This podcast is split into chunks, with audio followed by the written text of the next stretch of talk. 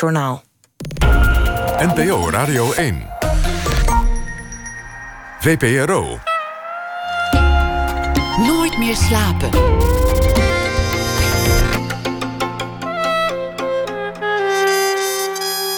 Met Pieter van der Wielen.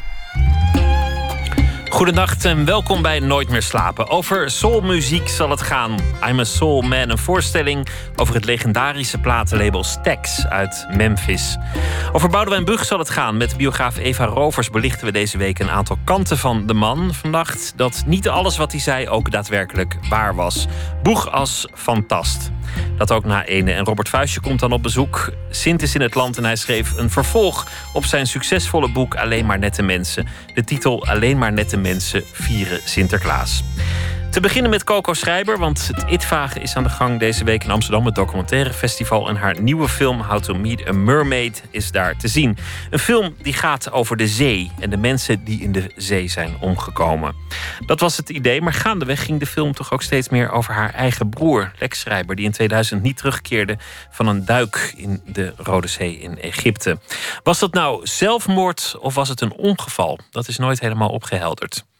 Andere verhalen komen ook langs in de film. Over de migrant Miguel die de zee wil oversteken op een surfplank op zoek naar een gelukkig bestaan. En het meisje Rebecca, medewerker op een cruise van Disney, die nooit de haven bereikt en niemand weet wat er precies is gebeurd. Coco Schrijber, geboren in 1961, is schrijver en filmmaker. Won eerder al een gouden kalf voor de film Blue Mondays en Strawberry Pies over het thema verveling. Met de voice-over ingesproken door John Malkovich. Haar eerste lange film was First Kill uit 2001, waarin ze op zoek gaat naar de duistere kant van de mens en de aantrekkingskracht van oorlog. Coco Schrijber, welkom. Dankjewel. Je, je bent het eigenlijk moe, hè? Je, je hebt uh, een aantal mensen laten weten dat dit misschien wel je laatste film is. Nou ja, misschien wel. Je zei het wat stelliger dan dat. Zelfs je zei, vergeet het maar, dit is mijn laatste film. Ja. Nou is het altijd wel heel sneu als filmmakers dat zeggen. Omdat je toch weet dat het niet zo is. Nou, je neemt het... Mijn, mijn oprechte intentie is om nooit meer een film te maken.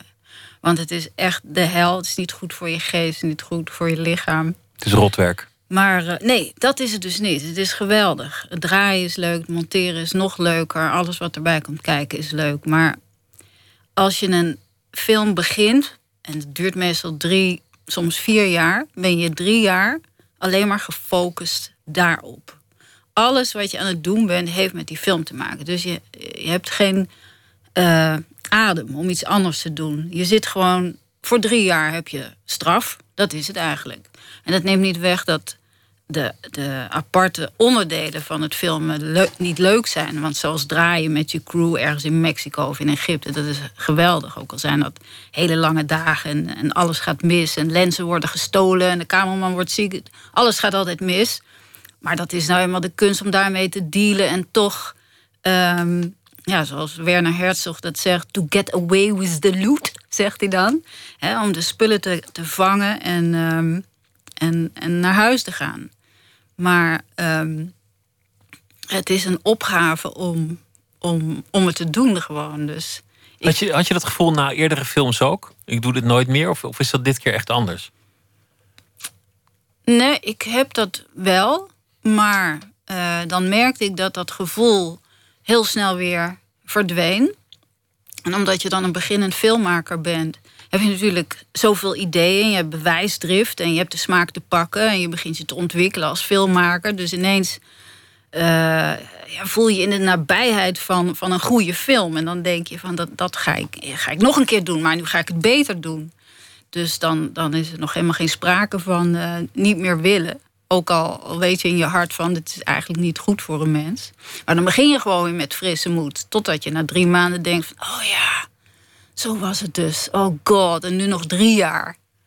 En dan, en dan haal je net de finish en helemaal op je oogleden kom je meestal die première weer binnen. En dan denk je, dit doe ik niet meer, ik ga iets anders doen. En alles wat er daarna gebeurt, dat, dat weegt ook niet op. De, trots op je product of, of het applaus van de mensen die zijn komen kijken. Of uh, de prijzen die je toch ook wint. Een gouden kalf, dat is toch ook geen kattenpies?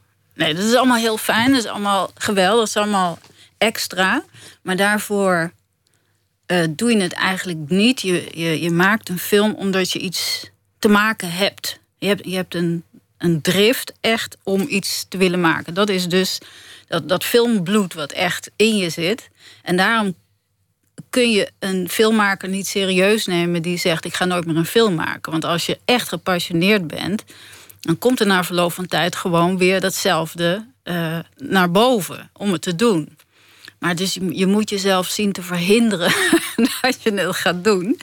En ik dacht, als ik nou maar vaak genoeg tegen mensen zeg: ik ga het nooit meer doen, hè, dan gaan ze me uitlachen als ik het weer ga doen en dan, dan, dan lukt het me wel. Maar het vervelende is dat. Je probeert jezelf te behoeden voor, voor de ambitie en, en de drang om nog een film te maken. Precies. Want het liefst zie je jezelf toch als iemand die niet die drang heeft en gewoon een rustig leven leidt. Nou, de drang is heel fijn. Hè, dat je het gevoel hebt om s ochtends op te willen staan, uit je bed te willen springen en iets te gaan maken. Maar bij een film komt er zoveel bij kijken dat eigenlijk moet je dat niet willen. Het is gewoon gedoemd tot falen en het is pijnlijk en, en vermoeiend. Het is, ja, het is gewoon de hel. Ik kan het echt zonder overdrijven zeggen. Deze film heeft ook bij jou zelf veel overhoop gehaald. En, en dan heb ik het over, over je broer, die, die al 16 jaar dood is. Maar je bent naar die plek gegaan, je hebt daar gefilmd, je bent in zijn voetsporen gegaan, je bent de zee ingegaan. En je wist niet van jezelf dat, dat, het, dat het nog zo vers was, dat het nog zo gevoelig voor je lag. Ja. Was dat het eerste idee, de broer, of, of was het een abstracter, uh, abstracter gedachte, de zee? Uh, nee, het was eigenlijk geen van beide. Het was heel uh, nou ja, soms begint een film met een heel sterke emotie of een gevoel. Zoals bij mijn vorige film over tijd en verveling. Uh, was meteen het woord verveling daar. En ik dacht, nou ja, daar moet het over gaan. En hoe dat dan tot stand gaat komen, dat is weer een geworstel. Dat moet je allemaal bedenken. Maar dat, dat was heel duidelijk. En dit kwam echt zo op zo'n verloren middag dat je een beetje YouTube zit te kijken en, en van het ene filmpje in het andere terechtkomt en in, in, in een tijdsbestek van vijf minuten gewoon door de hele wereld uh, fietst. Weet je wel, van uh, video's uit de jaren tachtig, clipjes en nostalgie hier. En dan weer een film uit 1923. Dat je denkt, wat is dat? Een verloren meesterwerk met een geweldig shot. En dan zie je weer een stand-up comedian. En dan, weet je wel, dus, dus in een tijdsbestek van vijf minuten. Uh, gingen er zoveel gemoedstoestanden door me heen. Van vrolijk tot nostalgisch, tot verdrietig, tot licht gedeprimeerd. En toen deed ik de computer dicht. En toen waren al die gevoelens weer weg. En toen dacht ik, wat raar, wat, heb ik het dan wel echt gevoeld? Bestaat het dan wel? Of hè, hoe, hoe kom je in zo'n gemoedstoestand? En toen dacht ik natuurlijk wel aan mensen die vergaande besluiten nemen om er niet meer te willen zijn in zo'n gemoedstoestand. Terwijl als je een dag had gewacht, was, was dat gevoel misschien weggegaan en had je niet dat besluit genomen. Of zelfmoord is eigenlijk een naar woord, maar, maar ja, zelfdoding in een opwelling. Dat, dat was eigenlijk je eerste gedachte. Um, nou, niet dat precies, maar ik dacht hoe kunnen we nou ervan op aan dat dat onze blik op de werkelijkheid is, dat die echt is? Hoe ziet die werkelijkheid er morgen weer uit? dus, dus het gaat erom, denk ik, in het leven dat je moet zien te voorkomen dat je op dat moment handelt, maar dat je het moet uitzien te houden tot een uur later of een dag later. Blijven ademen of zo. En, um, en, en zo kwam dat, het idee voor die film eigenlijk in stukjes en brokjes dit keer tot stand. Het was een heel ingewikkeld plan om er een geheel van te maken. Toen kwam de gedachte om het over de zee te maken en over verdrinking. En eigenlijk alles, alles trok naar die broer toe, lijkt het wel, in dat proces. Alsof jij nog met andere thema's bezig was, maar, maar alle wegen toch uiteindelijk naar die broer zouden leiden. Ja, nou ja, misschien is het zo dat dat wat je eigenlijk aan moet gaan, dat je dat altijd voor het laatste bewaart. Dus via de verhalen van andere mensen, van Miguel en Rebecca, kwam ik weer bij mijn broer terecht. Ik dacht daar natuurlijk wel aan. En iemand zei ook: Ja, broer is toch de zee ingelopen? En hè, waarom maak je daar niet. En, maar ik was eigenlijk een tikje geïrriteerd. Ik dacht van. Wat heeft dat ermee te maken? Weet je wel? Ik, waarom moet een filmmaker altijd over zijn eigen familie of waarom je kunt heel persoonlijk zijn in een film en toch over grote over, over andere en universele uh, dingen vertellen.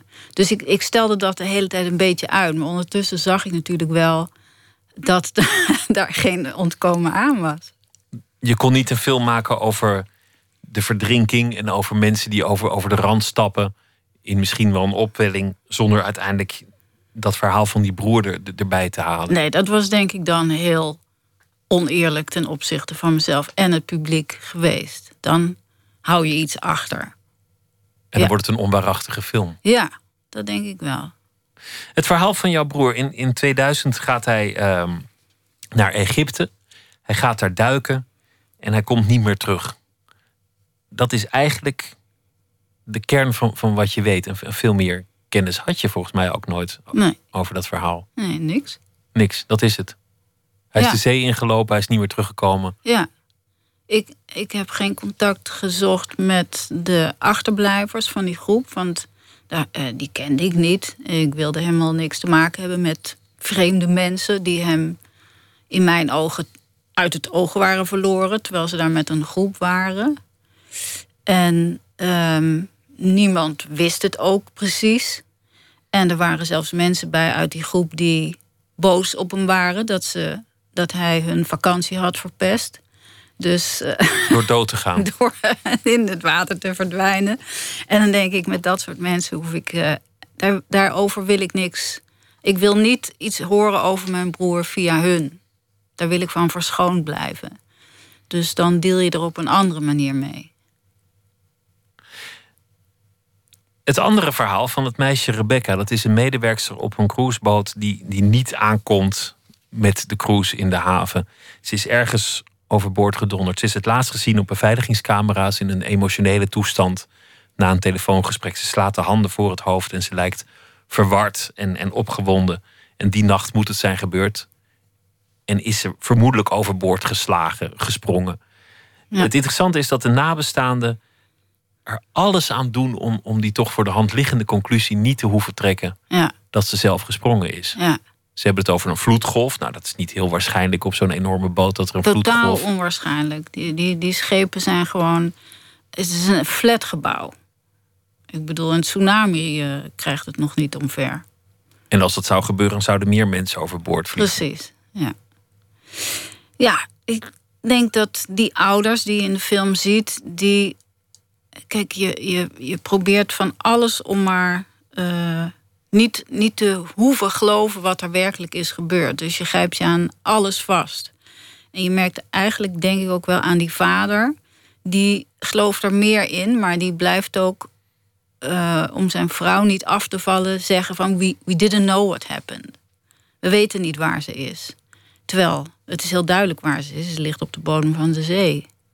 Maar het is ja, voor mensen onbegrijpelijk dat hun dochter of je vriend of een goede bekende van je, hè, die, die, die je gekend hebt en waar je mee gelachen hebt, uh, dat die er tussenuit is geknepen. En dat jij dat niet hebt gezien. Um, dus dat hij daartoe in staat was dat hij gevoelens speelde. Ja, dus hoe kan je dat gemist hebben? En heel veel mensen, denk ik, kunnen dat niet. Ik weet niet of dat bewust of onbewust is, maar kunnen dat niet aan. En daarom verzinnen ze verhalen, wat er dan, hè, ik, ik ook, uh, wat er dan eventueel wel gebeurd zou kunnen zijn. Dus bij mijn broer wist ik eigenlijk instinctief dat het zelfdoding was. Maar ja, daar zijn ook haaien. En er kan van alles gebeurd zijn. En er staat ook een hele stevige stroom. Dus wat is er gebeurd? En dan dacht ik weer, ja, maar hij heeft toch zijn spullen achtergelaten op het strand met zijn duikmes erbij. Dat zou hij nooit doen.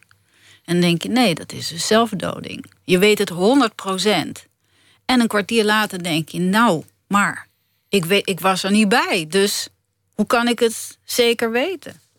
En waarom is nou die, die conclusie zo moeilijk te aanvaarden dat het, dat het een, een eigen daad zou zijn? Dat, dat hij gewoon moedwillig die zee in is gelopen? Um, ik denk voor achterblijven. Ja, voor, het is voor iedereen anders. Maar mensen. Kijk, je kent ze ook.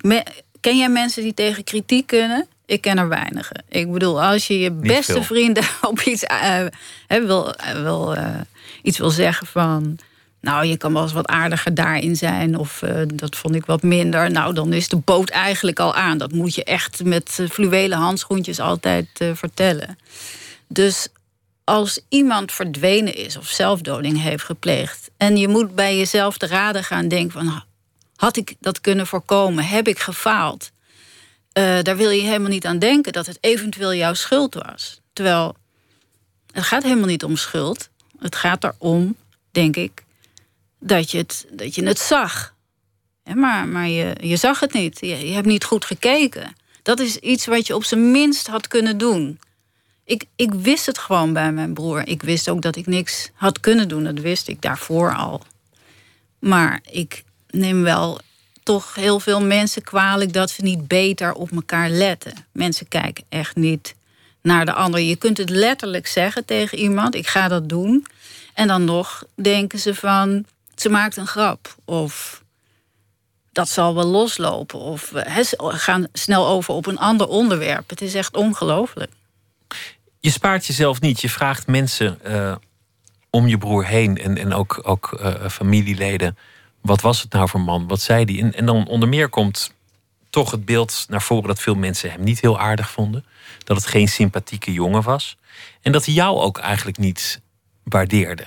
Dat, dat hij, als hij over jou sprak, zelden positief over je sprak. dat vind ik eigenlijk een heel geestig stukje in de film. Als ik uh, zijn beste vriend interview.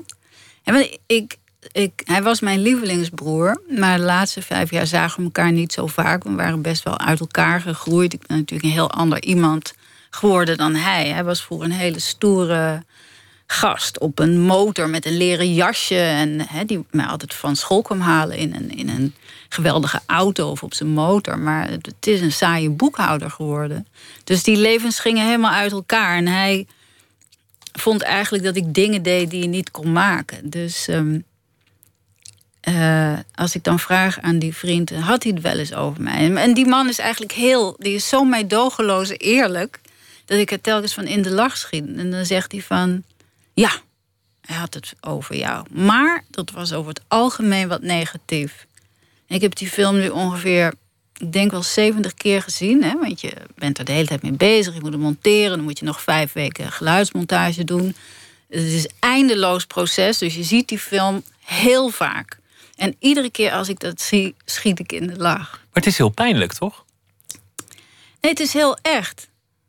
Het is heel erg oprecht. En waarom zou iemand uh, niet negatief over je mogen denken? Dat, dat vind ik wel echte gevoelens. En als hij eh, dacht dat hij daar reden toe had, dan, dan is dat zo. Ik kan er niks aan afdoen.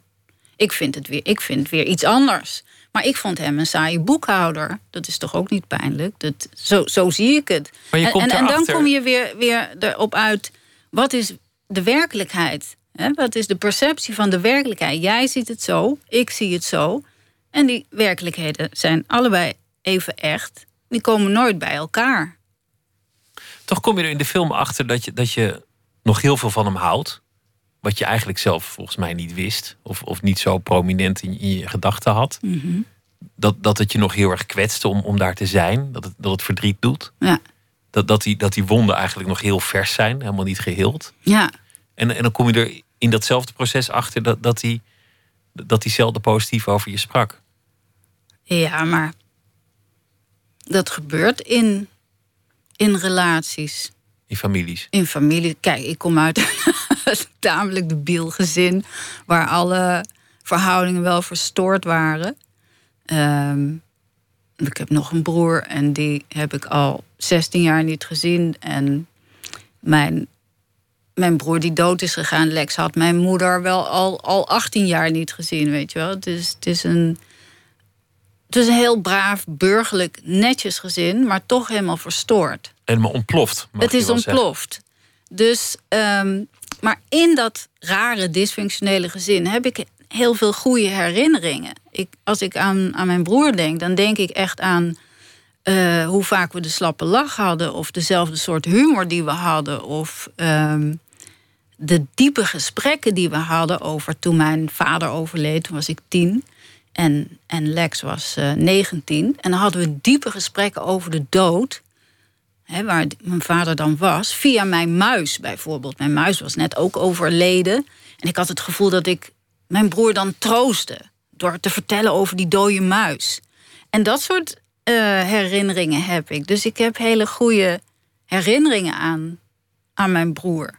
En dat, dat uh, iemand dan zegt, hij sprak negatief over je, dat, dat doet daar niks aan af. Je zegt het was een dysfunctioneel gezin, een ontplofte familie. Je, je andere broer heeft ook ooit een zelfmoordpoging uh, gedaan. Dat, dat heb je in, in een van je eerste films, zo uit de jaren negentig, uh, verteld. Mm -hmm. Zelf heb je ook als, als, als jonge vrouw je, je polsen geprobeerd door te snijden. Ik schiet hier nu alweer van in de lach. Ook toen ik die film aan het maken was, een doodgewoon gezin. Als je dan bezig bent met al die ellende, dan sta je op de set met die cameraman. En dan schiet je gewoon af en toe in de lach. Omdat het gewoon te absurd is. Ook als het over je eigen zelfmoordpoging gaat. Ja, want... Ja... Uh, ja, kijk.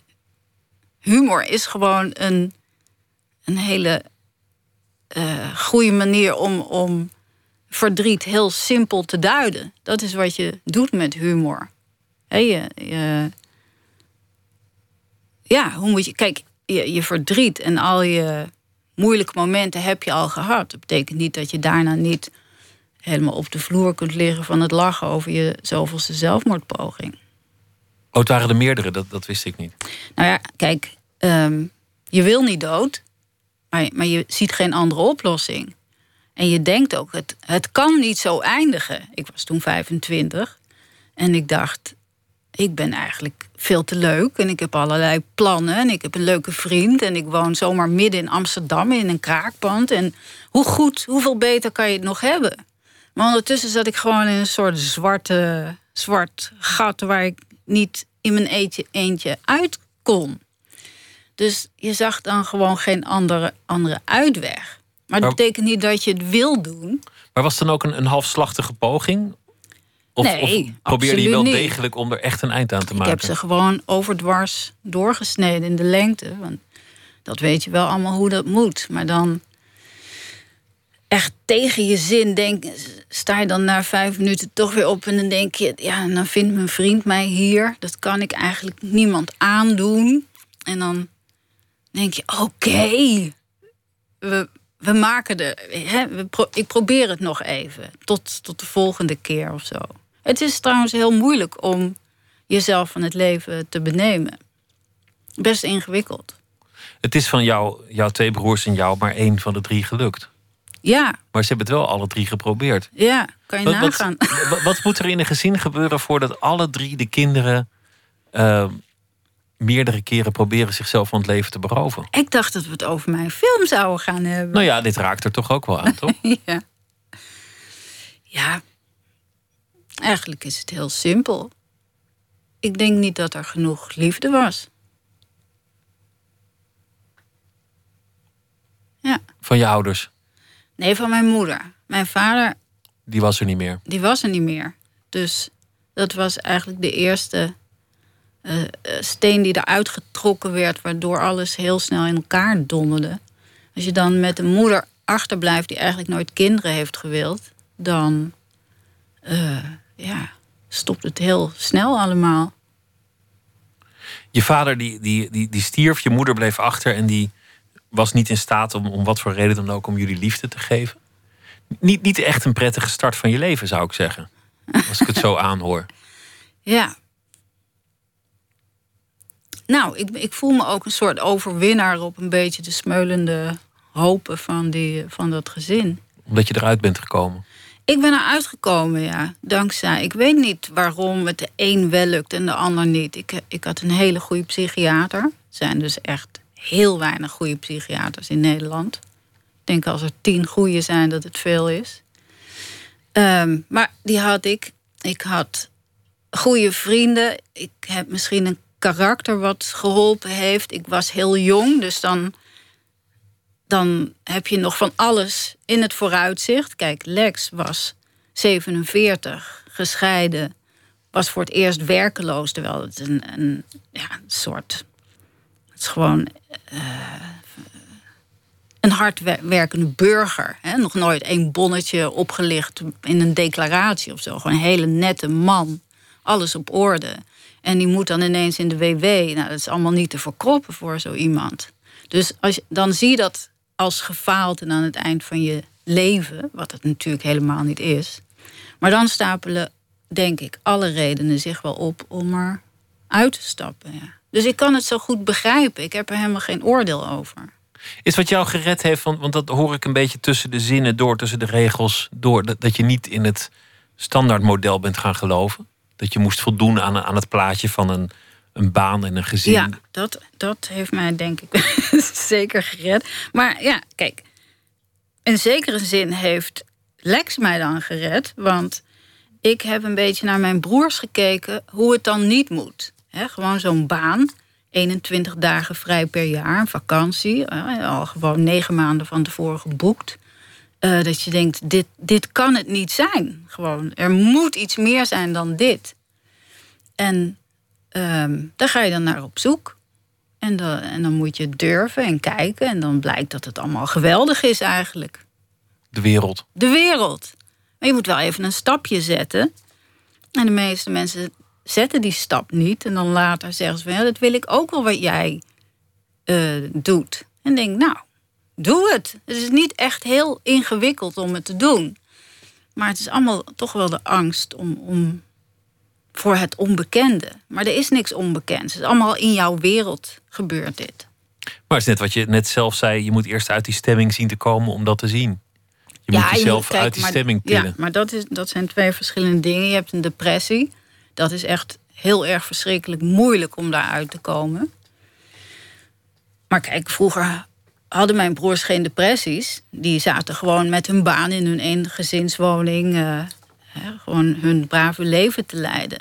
En ik weet dat Lex soms dacht: ik wil ook zo'n leven als mijn zus. Ik vind het stiekem ook wel heel stoer wat ze allemaal doet. Vandaar dat hij erop afgaf. Ja, weet je. Ik denk dat hij het net niet durfde om dat te doen. Dus ehm, ik vond het wel heel erg leuk om te horen dat hij dus was gaan duiken. Helemaal naar Egypte, wat, wat in zijn ogen natuurlijk een heel vies eng land is. Dus voor hem is was zo'n vakantie iets heel exotisch. En dat vind ik toch leuk dat hij het een beetje ondernomen heeft.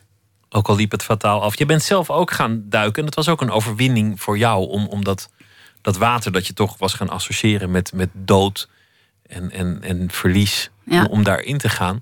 Is, is dat ook, ook een, bijna een gevoel van overwinning? Als jij op die plek zwemt en wel de kant haalt? Nou, nee, daarvoor was het te verdrietig, eigenlijk. Ehm, ik, was, ik was dus niet van plan om in die film te komen. Uh, ik had wel uh, met de cameraman, uh, een hele goede cameraman van The Look of Silence en The Act of Killing, Deense cameraman, besproken dat ik er een beetje in moest. Dus ik dacht, oké, ik stapel de kleren van mijn broer op het strand zoals hij het heeft achtergelaten. Zodat je een band hebt met de hoofdpersoon of de persoon in die film. Of met de maker van die film. En aan het eind dat we daar waren, heb ik dus een interview gedaan met de eigenaar van dat Eco Resort. En die zei ineens van, heb jij wel eens gedoken? En zei ik, nee. Nou, maar dat moet je doen en het is hier waanzinnig. Ja, de Rode Zee staat er natuurlijk bekend omdat dat de mooiste plek is. Maar ja, ik dacht, ik ga dat niet doen. Ik heb epilepsie. Eh, ik moet helemaal niet onder water met druk op je hoofd. Dat is helemaal niet, niet goed voor mij. En toen was dat interview klaar en de cameraman zei... nou, ik weet wel wat we morgen gaan doen. Ik zei, nou, ik denk het niet. En, um, maar ja, dan slaap je er een nachtje over... en je weet, je weet op die seconde al dat dat is wat we gaan doen. Want het is gewoon de enige manier. En dat is heel mooi van documentaire, dat je het gewoon niet in de hand hebt. Je kunt wel achter je uh, computer dat allemaal schrijven en bedenken: we gaan dit doen en we gaan dat filmen, we gaan naar het politiebureau en we gaan een doodverklaring regelen. Maar dan kom je daar en dan reken je niet op dat verdriet dat je overvalt. Je rekent er niet op dat iemand zegt: je moet ook gaan duiken. En ineens sta je daar met een duikinstructeur te oefenen hoe je moet ademen. Dus als, als die man tegen mij zegt van... oké, de meest belangrijke regel in duiken is... Never ever hold your breath. Blijf altijd ademen. En ik zie ook in de film op mijn gezicht dat ik daar het idee krijg van die film. Dat ik denk, oh, daar gaan al die verhalen over. Als je nou maar gewoon blijft ademen, dan haal je de volgende dag wel. Niet te dicht langs die kant van de boot lopen. niet niet eh, te diep dat water in. Gewoon ademen, doorgaan. Jezelf op de been houden. Ja. Voor we verder gaan praten over, over jouw manier van film maken en, en je oeuvre, gaan we luisteren naar een Nederlander die al een tijdje in Berlijn woont. Electropop, uitgekozen door onze muzieksamensteller Lotje IJzermans, Thomas Azier. En het nummer heet Talk to Me.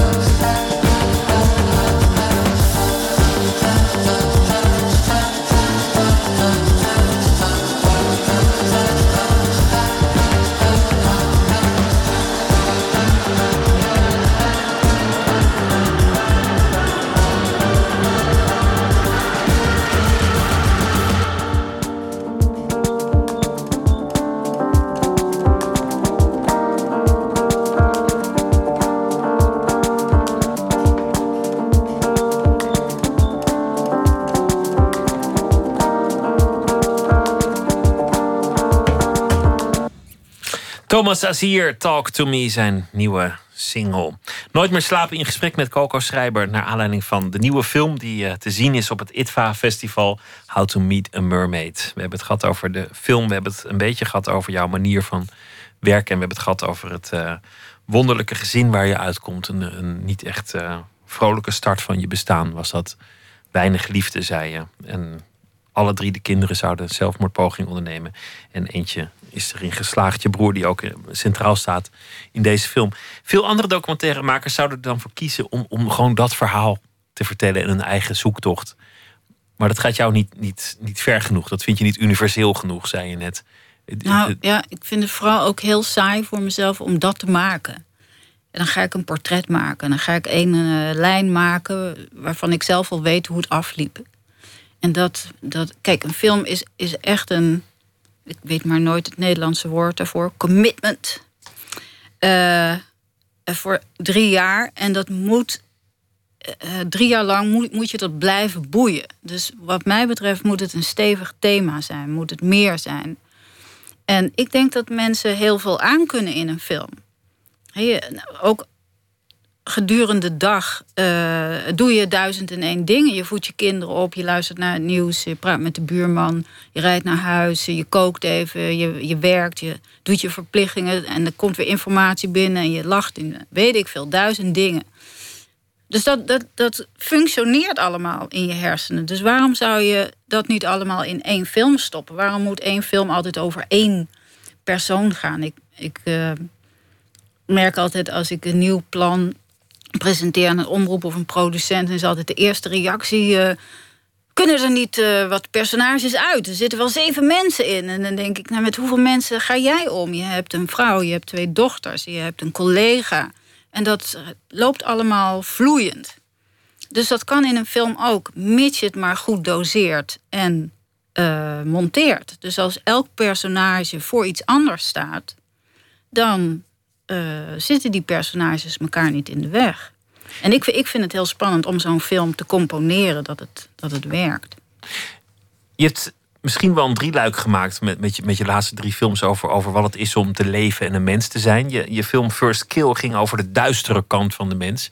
Je, je interviewde veteranen over het moment dat ze erachter kwamen dat zij konden doden. Dat ze in staat waren om, om hun geweer te richten en iemand af te schieten. Ja, de kick ervan. En de kick ervan, de vrolijkheid van de oorlog. En de, de roes van de overwinning als je iemand hebt vermoord. Ja. En dat het verslavend kan zijn. Zeker. En dat er een schoonheid in zit. Nou, toen ik met die film begon. Thema's. Ja, ja, ja, ja, Ik weet niet waarom. uh, misschien ben ik niet zo'n opgewekt iemand, maar dat ben ik juist wel. Ik, ik ben, ik, misschien, ik besta, ben gewoon een, iemand die uit contrasten bestaat, waarschijnlijk. Maar uh, het intrigeert me gewoon hoe dat allemaal functioneert. En uh, het is zo makkelijk om mensen in een hoek te duwen en te zeggen dat zijn slechte mensen. En als je vraagt, geloof je in goed en slecht? Dan zeg ik, nou, daar geloof ik niet in. Uh, ik, ik geloof alleen in de gevolgen van je handelen. Dan ontstaat daar goed en slecht. Maar goed en slecht op zich bestaat in mijn visie niet. En dat probeerde ik in die film wel te onderzoeken. Want ik praat gewoon met mannen hè, die op 18-jarige leeftijd gewoon 36 mensen doden. Uh, de oren afsneden en als trofee aan hun riem hingen. Is dat een slecht iemand? Ik denk van niet. En het bleek ook van niet. Is een hele aardige man die getraumatiseerd is door, door die oorlog. Maar wij als maatschappij sturen die jonge jongens het veld in om te doden. En dit ging over de Vietnamoorlog. Maar dat gebeurt nu in Afghanistan, het gebeurde in Irak. Het zal altijd zo gebeuren. En wij doen alsof er niks aan de hand is, dat dat normaal is. Een van de veteranen zei: oorlog is iets moois. En als dat niet zo was, dan zou er al lang geen oorlog meer zijn. Als er niet een schoonheid in zat, dan, was de mensheid er al lang mee opgehouden. Het heeft iets aantrekkelijks, iets aanlokkelijks. Ja, blijkbaar. Ook voor het grote publiek. Ik nou, vond het een opmerkelijke uitspraak. Ja, ja. Ja, dat was Michael Hare, een oorlogsjournalist, slimme man die ook uh, Apocalypse Now heeft uh, medegeschreven, het scenario en Full Metal Jacket met Kubrick. En um, ik denk dat hij gelijk heeft, want de oorlogen gaan maar door. De andere film die ging over verveling. Blue Mondays en Strawberry Pies. Bloody Mondays. Bloody Mondays. niemand, het, ik vind Zegt het. iedereen het verkeerd? iedereen zegt. Of uh, Bloody Mondays en of Bloody Sundays. Iedereen haalt het allemaal door elkaar. Het is ook ingewikkelde... Ja, ja, slordigheid, joh. Maar die, gaat over verveling. aan de, aan de hand van verschillende mensen. Eén iemand die, die uh, nou ja, eigenlijk de, de godmother van de high school shooting is, die met een geweer meerdere mensen heeft doodgeschoten. Levenslang, ja, Spencer. Levenslang gevangenisstraf kreeg en als verklaring zei ik wilde de verveling bestrijden. Ja. Dat was in, in iets andere woorden. Maar ook over iemand die, die taarten bakt voor, uh, voor de HEMA. En zich eigenlijk uh, kapot verveelt. Ja. Verveling wordt zowel als iets heel naars afgeschilderd als als iets heel moois. Iets, ja. iets wat je moet koesteren. Ja, zeker. Een, een man die in de woestijn leeft om daar het fenomeen tijd te bestuderen. En die geen idee heeft wat voor dag het is en welke datum het is. Ja. Nou ja, verveling is, is een soort non-emotie, maar het is wel een hele belangrijke emotie of gevoel. En wij slaan er allemaal voor op de vlucht. Maar ik denk dat je, als je helemaal op de bodem van verveling komt, hè, daar waar niks meer is, ik denk dat je dan zelf, nou ja, niet jezelf tegenkomt, maar daarachter komt wat je echte verlangens zijn. Want je hebt dan de tijd genomen tot vervelens toe om alles om je heen alle prikkels te verwijderen. En, en dan kom je iets tegen waarvan je denkt, ja, dat is het. Deze wijsheid heb ik niet zelf bedacht, maar dat heeft Heidegger bedacht. En toen ik dat las, dacht ik, ik weet dat het waar is, want ik had dat net zelf ervaren. En toen dacht ik, dat wordt, wordt mijn volgende film. Dus het was eigenlijk een heel helder thema. Alleen weer heel ingewikkeld om te filmen. Want hoe film je verveling? Hoe beeld je dat uit? verveling. Ja. Het mooie is dat de, de vrouw die, die om de verveling te bestrijden haar medeleerlingen doodschiet, een levenslange gevangenisstraf krijgt en dan eigenlijk de verveling omarmd heeft als een soort ultieme schoonheid, ervan geniet. Ja, en van die gevangenis zegt: Het is hier zo mooi. Ja, eigenlijk is zij uh, de meest wijze van de hele film. Want op haar zestiende schiet ze dus allemaal kinderen ook nog neer van een, van een school en volwassenen. Wat op uh, zich niet heel wijs is? Nee, dat is helemaal niet wijs. Het was een verschrikkelijk uh, drama. Um, maar zij heeft inderdaad geleerd om in die gevangenis, hè, waar, waar, waar, je ontdaan bent van alle prikkels van buiten, van computers. Van de, zij heeft gewoon helemaal niks behalve haar tuintje. Uh, dus dat is eigenlijk Candide, het verhaal van als we ons eigen tuintje wieden, dan komt het wel goed met de wereld. En dat is wat zij doet. Ze is eigenlijk heel tevreden uh, met haar bestaan. En dat, dat, nou, ik ken weinig mensen in mijn omgeving die datzelfde tevreden gevoel hebben, terwijl ze alles hebben. Zeker in dit land, waar iedereen maar klaagt en zeurt. En het is ongelooflijk, dit volk gewoon. Ik, ik ben ook een Nederlander, maar ik zou ja, mensen, willen dat ik het niet was. Veel, maar, maar via verveling kom je op de fundamentele vraag hoe te leven. Hoe, hoe bedwing je de tijd of laat je de tijd jou bedwingen? En ik, ik, merk ook dat het voor jou een soort ideaal is. Ook gezien wat je aan het begin zei: van ik vind elke film een worsteling. Ik zie er tegenop. Ik wil mezelf ervan weerhouden om nog een keer een film te maken. Ja. Iemand houdt me tegen als ik nog een keer een film wil maken. Is verveling eigenlijk je hoogste ideaal? Ja, zeker. Ik, ik kan het heel goed. Ik vind het heel fijn. Ik ben niet bang om alleen te zijn. Ik kan heel goed alleen zijn. Um, en als je weer een film gaat maken, geef je eigenlijk je leven, je vrijheid uit handen. He, je doet het zelf. Je kan wel zeggen, nou dat moet je dan niet doen. Maar oké, dat is je passie, dus je wil dat doen. Maar uh, je leven gaat gewoon op slot. Je krijgt gewoon drie jaar uh, gevangenisstraf. Zo, zo zie ik het.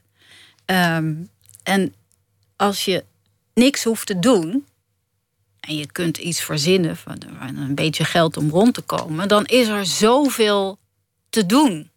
je kunt kijken, je kunt denken, je kunt lezen, je kunt. Maar wat doe je dan de hele godganse dag? Als je, als je in die ideale fase van verveling zit, hoe zien nou, dan je dagen eruit? Dan sta ik uh, vrij vroeg op. Ik sta gewoon om uh, zeven uur op. Uh, dan ontbijt ik anderhalf uur met, en dan lees ik.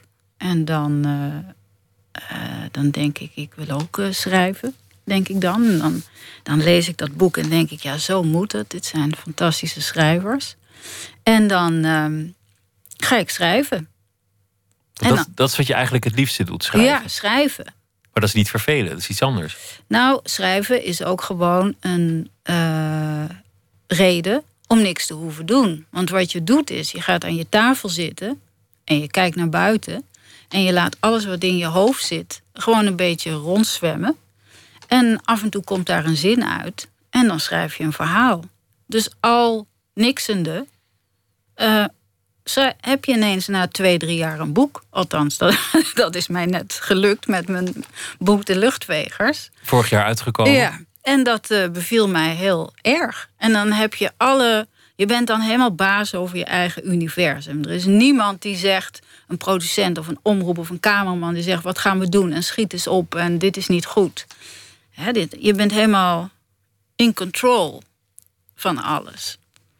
En ook dus van je eigen tijd en je eigen tempo. En wat is er nou fijner dan dat je de baas bent over je eigen tempo?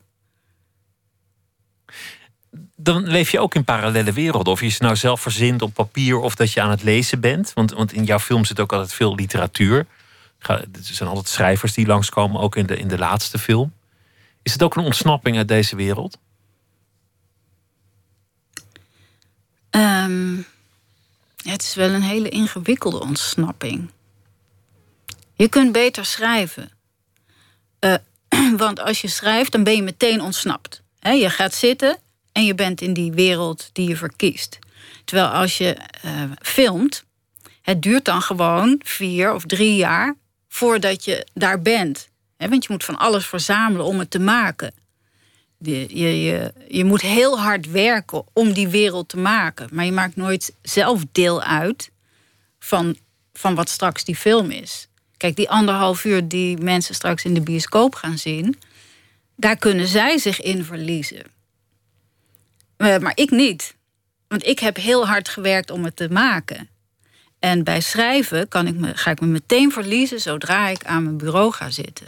Dus ja, als je die twee dingen tegen elkaar afweegt, dan is het heel simpel. Dan ga ik natuurlijk schrijven. Wanneer ben je gaan lezen? Wanneer werd literatuur zo belangrijk in je leven? Was het toen je, toen je jong was en nog, nog thuis was in dat ongezellige gezin? Nou, ik was wel een lezer. Ik weet wel dat ik allemaal. Dat ik, ik weet nog precies wanneer ik begon te lezen. Maar in mijn moeders boekenkast stonden ja, streekromans en Konzalik Omnibus, dat soort maar ook Madame Bovary en, en, Anna Karenina. Dus die had ik er oorspronkelijk uitgepakt. Toen was ik twaalf. En mijn moeder zei, daar ben je nog veel te jong voor. Maar ik zat dat te lezen en ik dacht, oh, het is geweldig.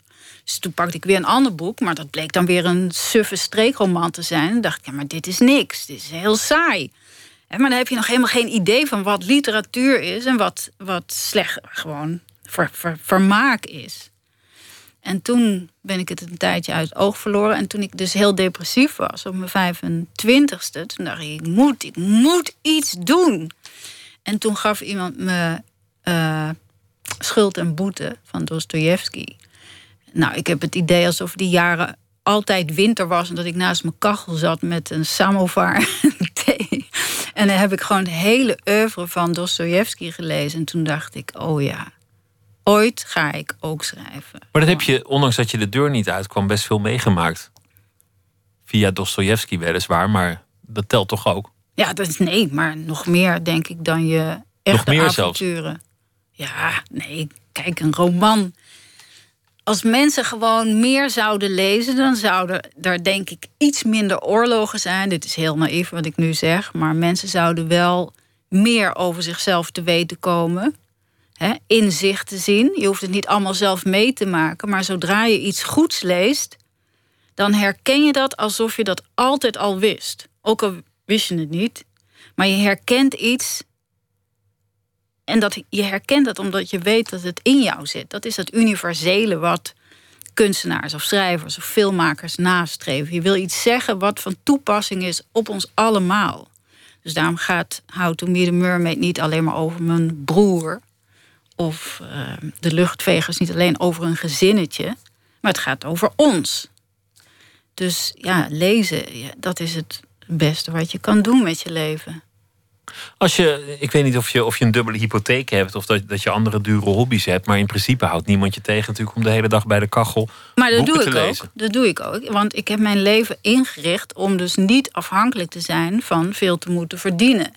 Ik heb gewoon een huurhuis. Ik heb geen kinderen. Ik heb geen zware verplichtingen. Ik kan het dus heel lang uitzingen met gewoon het salaris van die ene film. En ehm, ik vind dat best een slimme set van mezelf. Zodat ik niet gedwongen ben om eh, werk te moeten verrichten waar ik dus geen zin in heb. En toch ga je weer een film maken, dat weet ik nu al. Hoe, hoe gaat het dan? Is er dan ineens die, die drang die komt dat je denkt, ja, ik heb nu iets te vertellen? Of, of, of een gedachte die je niet loslaat? Nou, ik doe daar altijd heel lang over om een idee te formuleren. Want heel veel is al gemaakt. Heel veel filmmakers vinden hun eerste idee al meteen leuk en goed. En dan gaan dat dan meteen maken. Ook omdat de hypotheek betaald moet worden.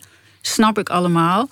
Maar dat zijn films die ik niet hoef te zien. Ik vind ze niet interessant. Ik zou willen dat mensen er iets langer over zouden denken. Van waar gaan we het publiek mee vervelen?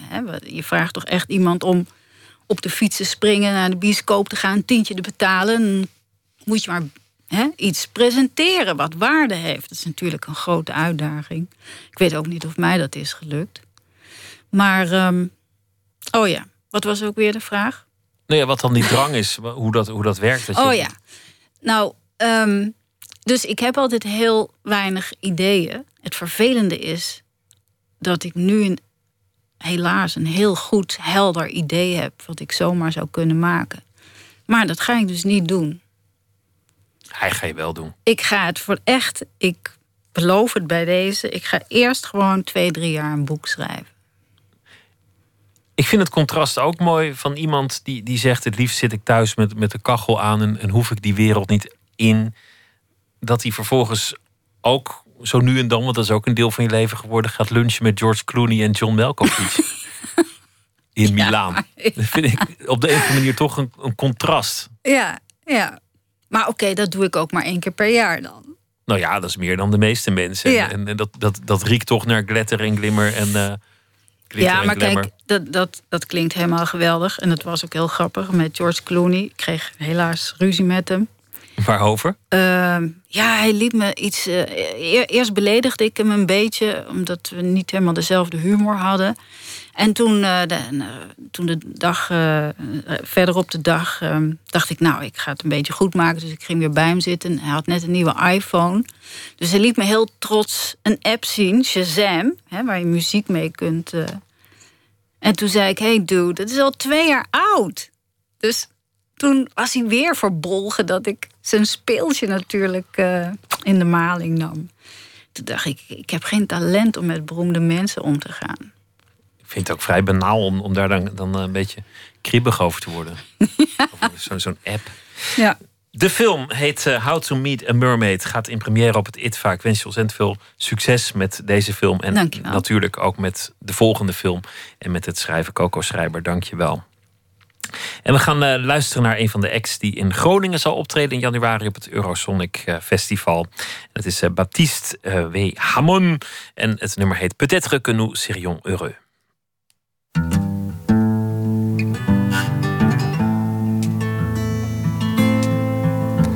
Tu savais marcher avec moi dans l'oubli, si tu savais m'étreindre comme un enfant la nuit, si tu prenais ma main lorsque pleurent mes yeux, peut-être que nous serions heureux. Si tu savais danser sur les lignes du temps, si tu brisais mes peines quand faiblit le printemps, si tu pouvais comprendre que je suis amoureux, peut-être que nous serions heureux. Si des roses dans le ciel s'envolaient chaque soir, quand nos paroles s'éteignent dans le noir, si nos bouches silencieuses s'ouvraient comme un feu, peut-être que nous serions heureux. Si tu chantais tout haut que nos destins sont liés, si tu m'offrais ces vers pour me dire qui tu es, si tu brisais l'enfer, si tu croyais aux cieux, peut-être que nous serions heureux. Si tu voyais demain comme un sourire qui vient, que tu lisais mon chagrin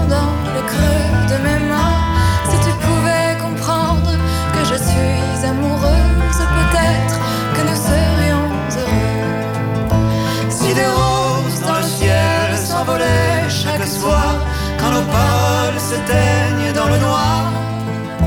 Si nos bouches silencieuses s'ouvraient comme un feu, peut-être que nous serions heureux.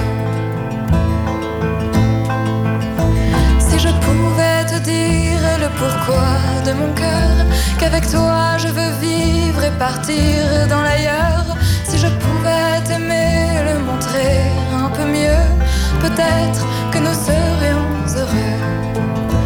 Oui, je voudrais te dire le pourquoi de mon cœur. Je veux vivre avec toi et filer dans l'ailleurs. Si je savais te dire que je suis amoureuse, peut-être que nous serions heureux.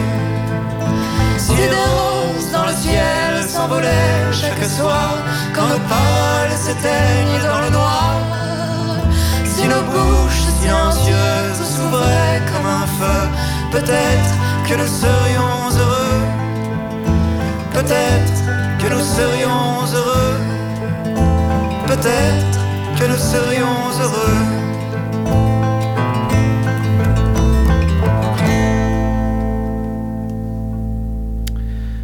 Baptiste Tamon was dat met Peut-être que nous heureux. En hij zal uh, optreden in Groningen in januari op het Eurosonic uh, Noorderslag Festival. Zometeen gaan we verder met Nooit meer slapen. We gaan het hebben over soulmuziek. De muziekvoorstelling I'm a Soul Man. Over het uh, Stax label Boudewijn Bug kende vele kanten. Die gaan we belichten deze week. Naar aanleiding van de nieuwe biografie van Eva Rovers. We gaan het hebben over een van zijn talenten, namelijk het fantaseren. En Robert Vuijsje komt op bezoek. Hij heeft een uh, vervolg geschreven op zijn succesvolle boek Alleen maar nette mensen. En dat heet Alleen maar nette mensen vieren Sinterklaas, een novelle. En Thomas Heerma van Vos, die zal deze week elke nacht een verhaal maken bij de voorbije dag. En dat zal hij even na ene voordragen. Twitter, het VPRO NMS. We zitten ook op Facebook. En u kunt zich abonneren op de podcast via de website van de VPRO, vpro.nl slash nooit meer slapen. Of via iTunes. Tot zometeen.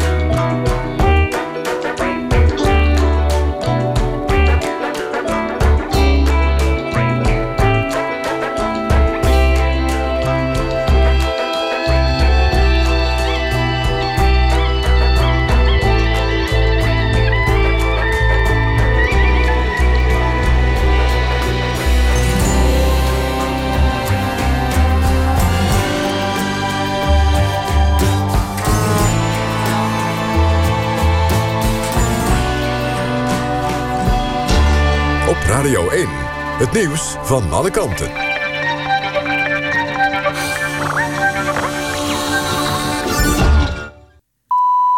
1 uur, Kirsten Klomp met het NOS-journaal.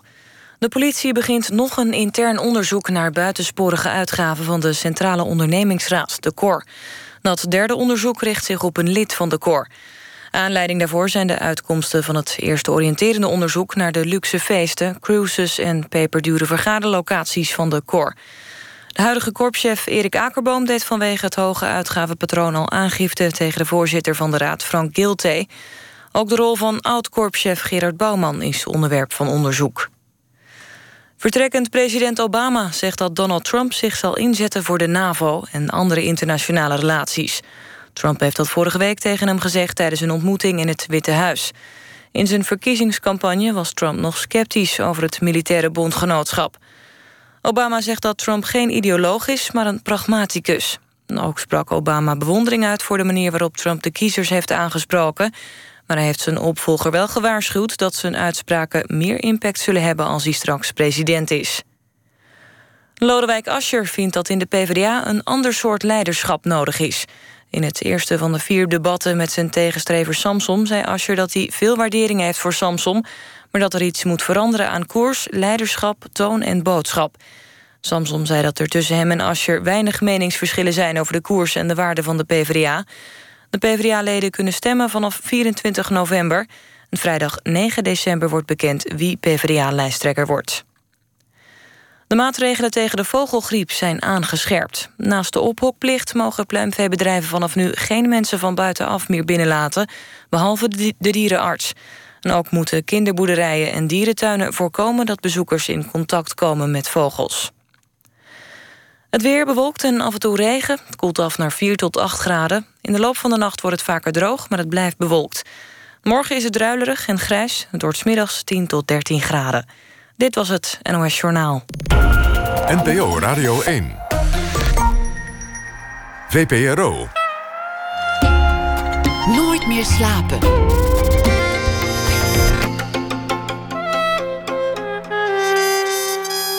Met Pieter van der Wielen. Zometeen aandacht voor de muziekvoorstelling I'm a Soul Man over het uh, Stax platenlabel uit Memphis, waar zwart en wit samenwerkt in een tijd van segregatie en waar onder meer uh, artiesten als Otis Redding op werden uitgebracht. Boudewijn Bug kende vele kanten en talenten. Uh, naar aanleiding van de biografie van Eva Rovers belichten we elke dag een van die talenten. Zometeen uh, Boudewijn Bug als fantast. Robert Vuistje komt op bezoek naar aanleiding van zijn novelle Alleen maar nette mensen vieren Sinterklaas. U raadt het al, het gaat over de Zwarte Piet discussie. Maar we beginnen met Thomas Heerma van Vos, die deze week elke nacht de chroniqueur van de voorbije dag zal zijn.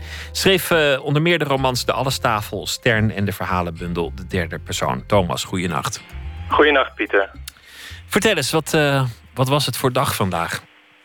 Nou, het is een dag waarop, en dat hoorden we net ook nog op het journaal, de uh, Trump-regering volgens mij, uh, nou, de eerste contouren werden nu wel echt zichtbaar met die Stephen Bannon, van wie ik alleen maar in een bijzin had gehoord, maar nu een paar artikelen over heb gelezen.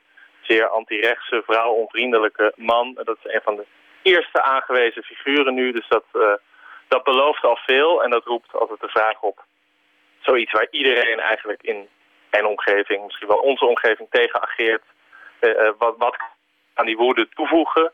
Ja, ik nu volgens mij niet veel, behalve mijn morele vinger omhoog houden en zeggen, dit is niet in de haak. Uh, en ik wil het hebben over iets, en dat is eigenlijk onbedoeld als soort voorbode voor het gesprek met Robert Vuijsje. Iets binnen Nederland over racisme, over Giel Belen, over Sylvana Simons. Oké, het, uh, het incident van, uh, van onlangs waarbij Giel Belen een, een verkeerd ja, geval Ja, en dat kreeg maakte. vanochtend een staartje en daar, daar wil ik het nog over hebben. Ga je gang. Vanochtend verklaarde Giel Belen bij koffietijd dat hij, citaat, verdeeldheid onder Nederlanders wil verminderen. En, een tweede citaat, als we nou goed met elkaar praten, kunnen we op een gegeven moment door één deur. Die uitspraken kwamen voort uit de recente ophef over die actie van Belen. Hij had apengeluiden bij een radio-uitzending laten horen en zei toen dat Sylvana Simons rustig aan moet doen. Bij DWDD bood hij vervolgens excuses aan maar over die uitzending ontstond ook weer een relletje. Want hij zei meerdere keren dat hij niet had geweten hoe gevoelig dit allemaal lag. Dat hij altijd allerlei groepen en mensen beledigde. was gewoon een grapje, daarmee klaar. Zelfs nu duizenden, nee tienduizenden mensen beledigd waren... nam Belen geen enkele verantwoordelijkheid. Hij manoeuvreerde zichzelf heel behendig in een slachtofferrol. Het lag niet aan hem. De buitenwereld reageerde hierbij gewoon feller dan bij andere onderwerpen. En dit voorval stond niet op zichzelf. Muzieksite Balling zoomde, somde afgelopen week Belens racistische cv nog eens op. Bijvoorbeeld die keer, jaren geleden, dat een donkere rapper in zijn radioprogramma te gast was. En Belen grappend opmerkte dat hij zijn horloge alvast afdeed. Ter diefstalpreventie. Of, een andere keer, toen hij apengeluiden door een nummer van de Surinaamse groep K-Liber mixte. In 2005 al schminkte Belen zijn gezicht bruin tijdens de uitreiking van Music of Black Origin Awards. Waarop natuurlijk ook woedende reacties kwamen. En Giel Belen zei toen, dit was alleen maar domme onwetendheid, wederom een citaat.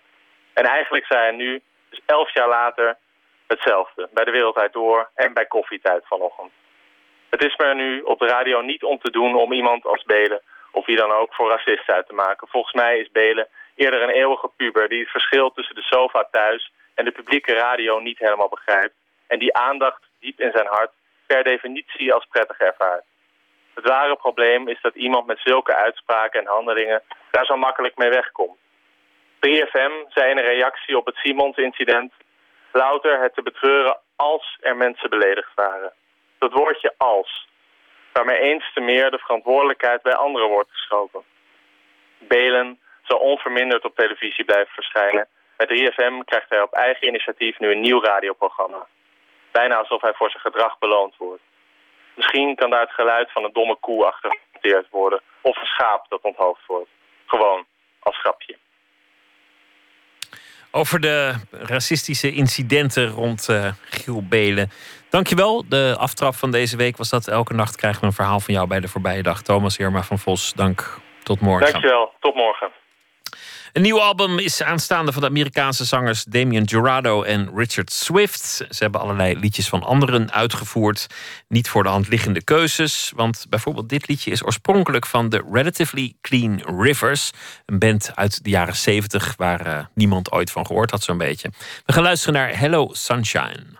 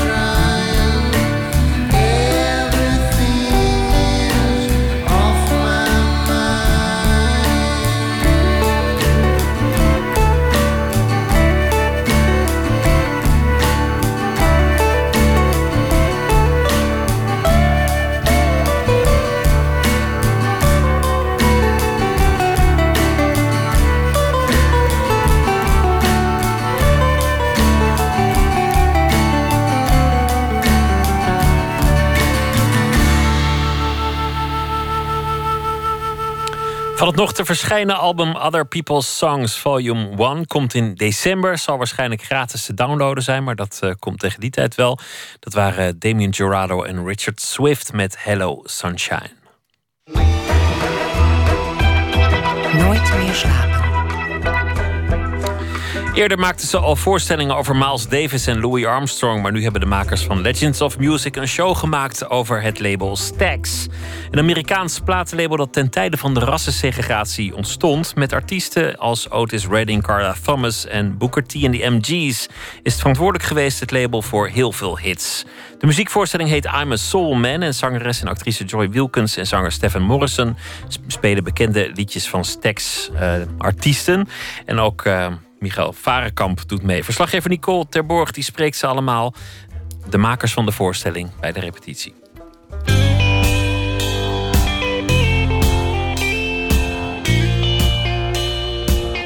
Het gevoel van niet op je stoel kunnen stilzitten.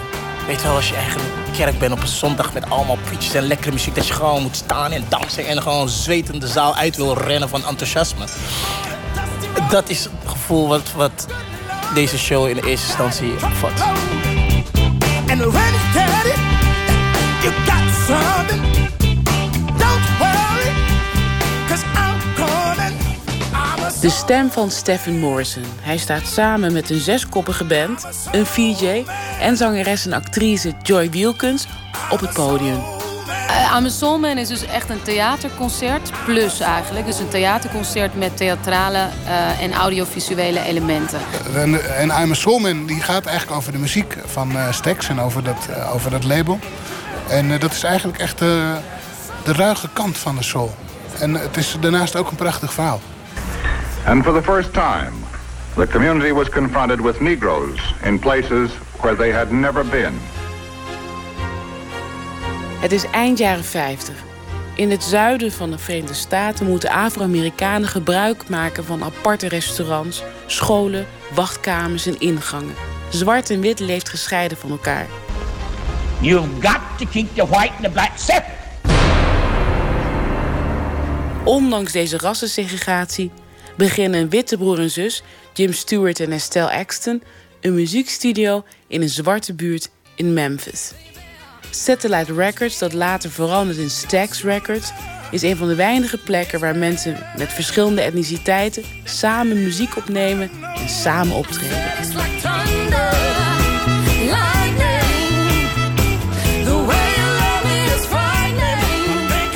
Waar misschien daarnaast nog een hotel stond waar zwarte mensen aan de achterkant erin moesten en witte mensen aan de voorkant. Dus je krijgt zowel het oprichten van stacks mee en tegelijkertijd wordt ook heel invoelbaar verteld en, en zichtbaar gemaakt wat die tijd op dat moment is. En ik denk dat het belangrijk is om die beide verhalen te vertellen, omdat je dan dat het eigenlijk het complete verhaal is. Er is denk ik geen stacks en zelfs ook geen soul zonder uh, de jaren 60 in Amerika. En de jaren 60 in Amerika zijn er ook niet zonder stacks en soul.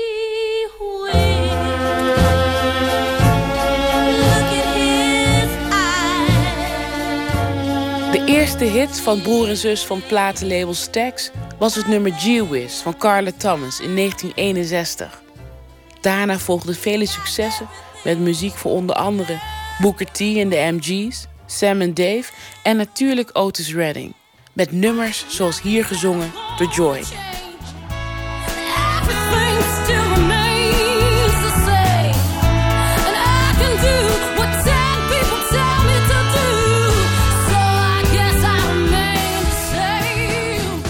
Trompetist Michael Varenkamp is een van de drie bedenkers van deze voorstelling. Volgens hem is deze soulmuziek uit Memphis met artiesten als Otis Redding, Sam and Dave en Mavis Staples onlosmakelijk verbonden met de burgerrechtenbeweging uit die tijd. Wat uh, Miles Davis ooit zei, uh, jazz is the big brother of revolution. And revolution follows it around. Ik denk dat het... Uh, een hele dat muziek een hele directe manier van communiceren is geweest. En dat begon eigenlijk... Het begon al met de, met de blues, wat een eigen taal werd. En een expressiemiddel. En een middel om uh, te mobiliseren en om uh, kracht te voelen. En om het ook een beetje los te kunnen laten. En dat is zo via de jazz en, en de soul uiteindelijk is dat... En later natuurlijk hiphop. It is beautiful that the Stax Record Company has come out to talk about liberation through music and lyrics. Met bakkenbaarden en een afro en een papier in zijn hand... in een stadion met ruim 90.000 mensen... spreekt hier een jonge dominee Jesse Jackson. Op 20 augustus 1972 is het Wattstax Festival... waar allemaal artiesten van het label optreden. Hij draagt hier het bekende gedicht I Am Somebody voor... Dit evenement met onder meer Richard Pryor en de Staplesingers maakt duidelijk dat de Amerikaanse burgerrechtenbeweging en Stax onlosmakelijk met elkaar verbonden zijn. Het werd eigenlijk een uh, enorm uh, volksfeest uh, zonder rellen. Want er was, werd, was enorm gespeculeerd op dat er dan wel rellen zouden uitbreken. Maar dat bleef allemaal uit. En dat is eigenlijk de geschiedenis ingegaan als Black Woodstock.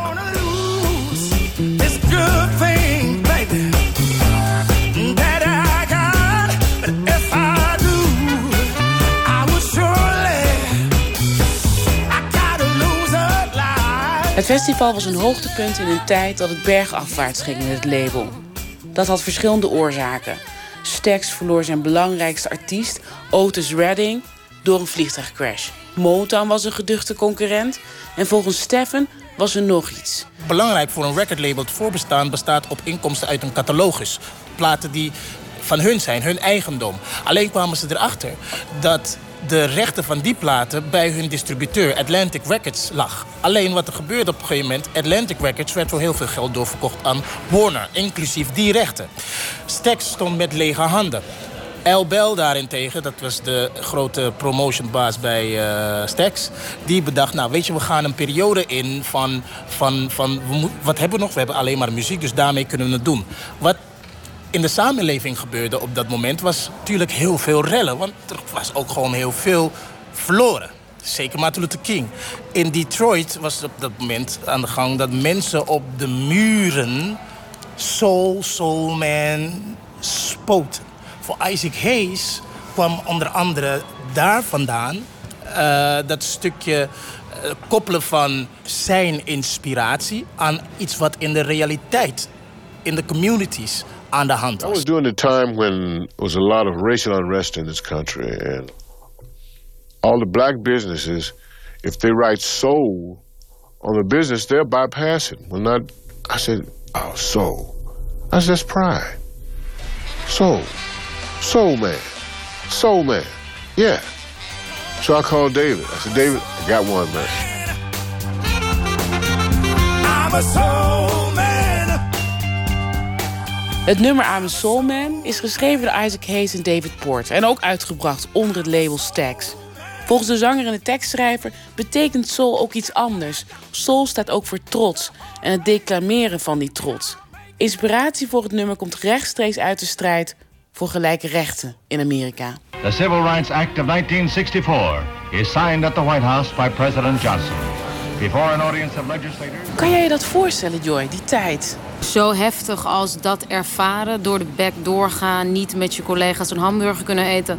Ik ben blij dat me dat in dit leven, in ieder geval die diepte, me bespaard is gebleven. Ik bedoel, we hebben natuurlijk wel allerlei andere vormen van. Uh, discriminatie waar we dagelijks mee moeten dealen. Maar zo heftig als dat, als de koekoeksclan om de hoek... Uh, dat heb ik, kan ik me gelukkig niet echt voorstellen, nee. Ja, ik kan het me denk ik wel voorstellen. Want als je wel eens gediscrimineerd bent in je leven... dan voel je gewoon... je kan gewoon in één opmerking... voel je gewoon de hele geschiedenis van dat, van dat uh, fenomeen. En ik heb het wel eens meegemaakt, maar Joy ook vertelde ze laatst... dat iemand op straat mij uh, de Hitlergroep bracht. The Michael, waarom wilt u dat verhaal vandaag, 2016, vertellen? Omdat het eigenlijk een heel uh, actueel verhaal is. Nou ja, dat is een uh, prachtig, tussen aanhalingstekens, voorbeeld natuurlijk... Uh, wat in Amerika gebeurd is, de verkiezing van Trump. Die alleen maar verdeeldheid heeft gepredikt. Als je er een beetje op let, zeggen mensen heel makkelijk... dat je zo ondertussen niet goed meer bij je hoofd bent... als je, als, als je de multiculturele samenleving als een succes verklaard. Maar dat betekent dat er nogal uh, wat, wat mensen mislukt zijn eigenlijk... als je dat letterlijk zou nemen. En uh, Stax ging er juist om, om met elkaar iets moois te doen. Verbondenheid, kracht, samenbundelen. Dan was uh, Stax bij uitstek daar echt gewoon de plek, de place to be. Want Booker T en de MG's was daar het voorbeeld van. Een band met twee zwarte mannen en twee witte mannen.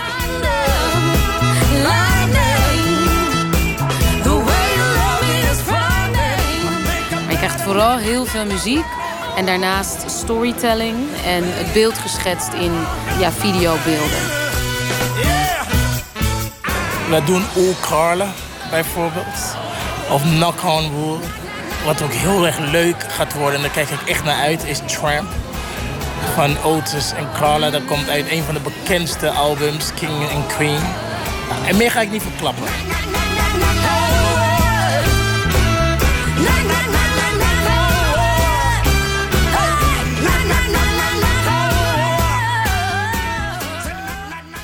De muziekvoorstelling I'm a Soul Man te zien vanaf donderdag in de Nederlandse theaters. Een bijdrage van Nicole Terborg was dat.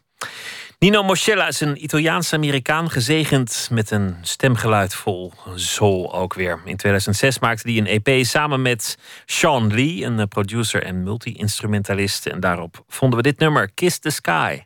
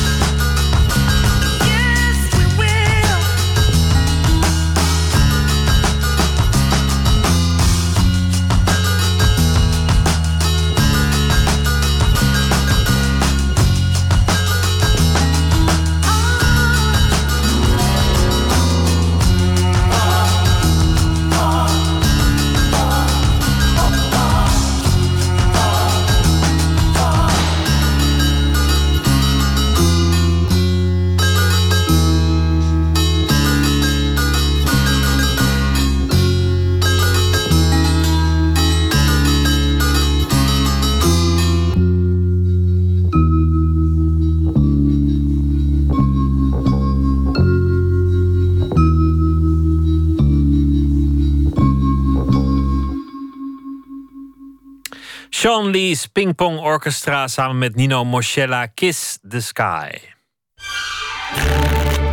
Open kaart.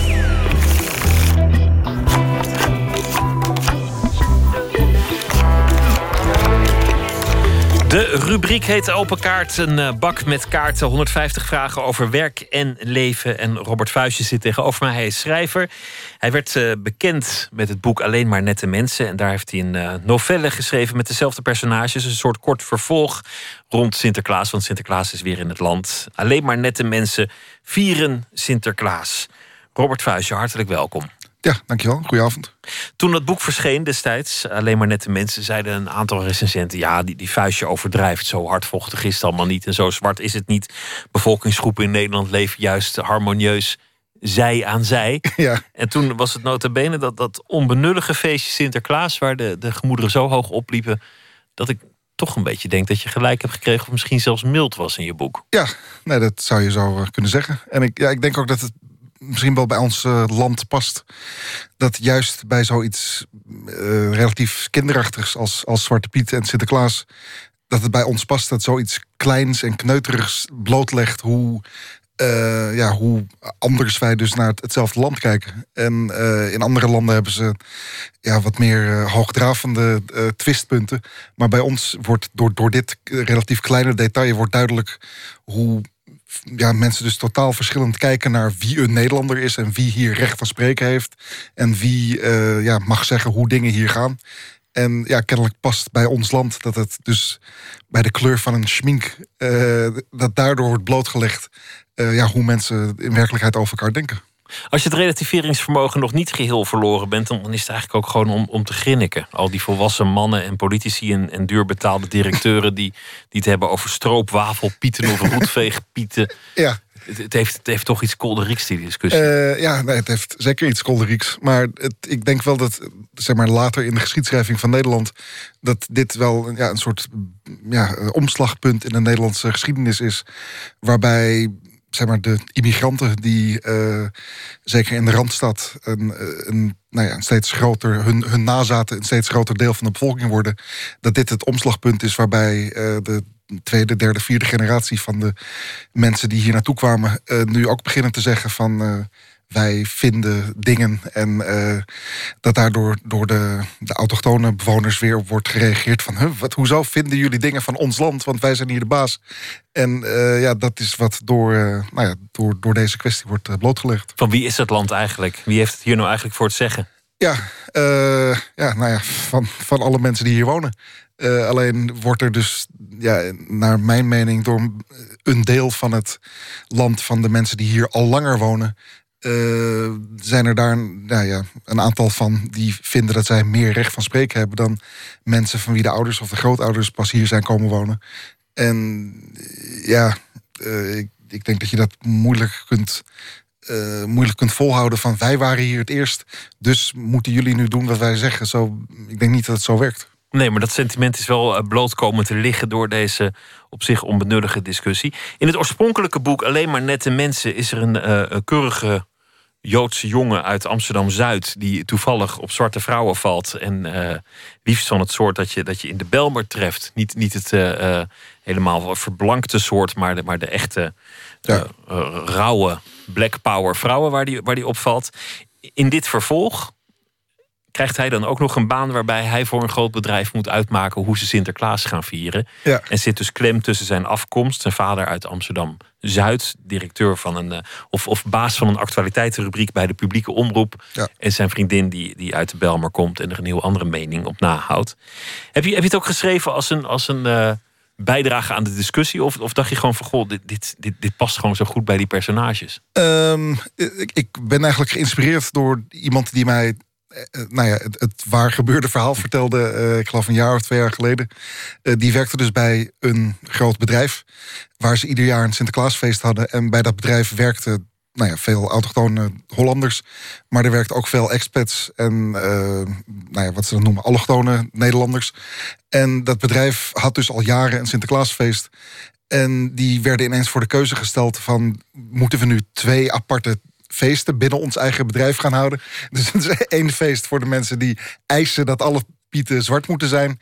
En een ander feest voor de werknemers die vinden dat er gekleurde pieten moeten zijn. Een soort apartheid eigenlijk. ja, dus die, die, nou ja, die kennis van mij die vertelde bij het bedrijf waar ze werkten... Van, ja, dat ze dus niet wisten hoe, hoe moeten we hiermee omgaan bij ons jaarlijkse personeelsfeest.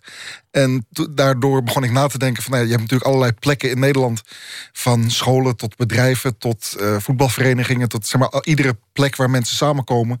waar dus een deel van de uh, ja, uh, deelnemers aan dat feest uh, het ene vindt en een deel het andere vindt. En met die, ja, die impasse waar, waar we nu voorkomen zijn te staan van wat doen we dit jaar met Zwarte Piet, daar, nou daar wilde ik een verhaal bij bedenken. En het verhaal dat ik daarbij bedacht was dat David, de hoofdrolspeler, via zijn vader een baantje heeft gekregen als ja, event manager Waarbij hij dus voor een, een groot bedrijf een feest, hun bedrijfsfeest moet organiseren. En dat zijn vader van hem eist van, nou ja, je moet gewoon doen wat, wat zij van je verlangen. Dus een feest met de uh, zwarte pieten. En zijn vriendin die uh, stelt zich op het standpunt... Nou ja, als jij een feest met Zwarte Pieten organiseert... dan ga ik bij je weg. En uh, hij komt daardoor nou ja, tussen zijn vader en zijn ja, vriendin in te staan. En moet een soort ja, morele keuze maken. Niet alleen tussen hun twee, maar ook tussen... ja, ga, ik, ga ik door op de weg van de Zwarte Pieten? Of ga ik, ja, maak ik ze gekleurd? Wat je net zei, hè, van wie is dit land eigenlijk? Dat dat, dat soort sentimenten spelen. Het, het is ook jouw thema geworden met je interviews over afkomst. Ja. Met, met je boeken. Het, het is wat jij als schrijver uh, heel erg naar, naar voren brengt van jongens. Er speelt van alles in dit land. En, en eigenlijk is Nederland niet zo tolerant als Nederland denkt te zijn. Ja, uh, nee, ja, dat is heel nadrukkelijk mijn uh, thema geworden. En ik, ik snap eigenlijk niet, zo goed waarom niet al die anderen ook over dit thema schrijven. Want uh, nou ja, bij de, de aankomende Nederlandse verkiezingen, bij de Amerikaanse verkiezingen die net geweest zijn, is, ja, is dit het, ja, het onderwerp van, van deze tijd. Waar, waar het over gaat en wat spannend is. En wat. Uh, ja, er zijn landen ontstaan waarbij dus een deel van de bewoners uh, nou ja, vindt van dit is uh, ons land. En er zijn er later mensen bijgekomen. En hoe, hoe dat met elkaar uh, samengaat, of juist vaak niet samengaat, dat, uh, ja, dat is voor mij nou, het, het, het verhaal van deze tijd. En zo zie jij ook de opkomst van, van Donald Trump en zijn overwinning. Dat... ja, nou ja, daar een land wat volgens mij oorspronkelijk niet van witte Europeanen was, maar van de, de mensen die daar al woonden. Maar eh, ja, de, de witte Europeanen die, die daar een paar honderd jaar geleden gekomen zijn, die beschouwen dat nu als hun land. En uh, nou ja, bij Amerika is het natuurlijk helemaal bizar dat de mensen die, zeg maar, Mexicanen zijn, nou ja, die woonden dan zeg maar, ten zuiden van de, de grens die er nu getrokken is. Maar ja, in feite zou je kunnen betogen dat Mexicanen of Indianen of nou ja, Native Americans, dat dat de oorspronkelijke bewoners zijn, ook van de Verenigde Staten. Uh, maar die worden nu gezien als: oh nee, maar dit, dit is ons land en jullie komen nu ineens hier naar binnen toe terwijl het van ons is. Terwijl je ja, net zo goed zou kunnen zeggen: van ja, uh, dat deel van de wereld, wie, wie, uh, wie waren daar het eerste? Ja, wie is de oorspronkelijke Amerikaan? Ook zo'n ja. discussie. Zullen we beginnen met, uh, met de kaarten? Het, het ja. boek heet trouwens alleen maar Nette Mensen uh, vieren Sinterklaas. En het is handzaam genoeg om in iemands schoen te stoppen. Zeker. Mocht, mocht je die behoefte voelen. Trek een kaart als je wil. Ja, ik zal eentje uit het midden trekken. Wat verwacht je van de komende tien jaar? Uh, ik, uh, nou ja, wat werk betreft, verwacht en hoop ik uh, nog een aantal romans te, te schrijven. dat is wat werk betreft en wat voor de rest betreft. over tien jaar zijn mijn kinderen twintig en zestien. En dan hoop ik dat het op, op school goed met ze gaat. Ja. Met het land, want, want als dit je grote thema is en je zegt van ja, dit bepaalt onze tijd, hoe, hoe zie je dan de komende tien jaar? Ja, nou, je, je zou denken dat, uh, zeg maar, normaal gesproken bij een ontwikkeling uh, vindt er een soort, zeg maar, positieve lijn plaats dat hoe langer iets duurt, dat het minder ingewikkeld wordt en dat een situatie zich verbetert. Als je kijkt naar het feit dat, nou ja, vergeleken bij 20, 30 jaar geleden, hoe Nederlanders toen met elkaar samenleefden, is eigenlijk de, de manier waarop wij met elkaar samenleven, is alleen maar verslechterd. Dus je zou denken van naarmate die nieuwe Nederlanders, zoals het genoemd wordt, naarmate die langer hier zijn, zou je denken van, nou ja, dan, dan wordt, zijn ze hier langer, iedereen raakt aan elkaar gewend. Uh, dan wordt, wordt er een soort manier gevonden om met elkaar samen te leven. Maar dat is juist, het gaat juist in een lijn naar beneden toe. Het wordt grimmiger. Ja, uh, dus. En gaat dat door? Ja, ja, je zou denken dat bijvoorbeeld de jonge mensen die nu nu in Nederland opgroeien, met name in grote steden, dat die, die groeien natuurlijk op in een heel ander land dan waar jij en ik in zijn opgegroeid. Dus die zijn al gewend aan dat er nou ja, mensen van allerlei verschillende soorten afkomsten in hun uh, school zitten, in hun voetbalclub zitten of in hun uh, waar ze uitgaan. Uh, dus dan zouden die niet meer zo de, eh, het gevoel hebben van... oh ja, maar eerst waren hier alleen maar witte mensen... en nu zijn er ook allerlei andere mensen bijgekomen... in hun land waar zij in opgroeien. Zijn al die, die andere mensen zijn er al. Dus ja, ik, ik hou me vast aan de, aan de, de positieve gedachte... Dat, dat dat zou betekenen dat dat ja, toch... eh, Milder weer wordt. ja, Laten we er nog een eh, Ja. bekijken. Geloof je in goed en kwaad? Ehm, ja. Nou, niet in de bijbelse zin.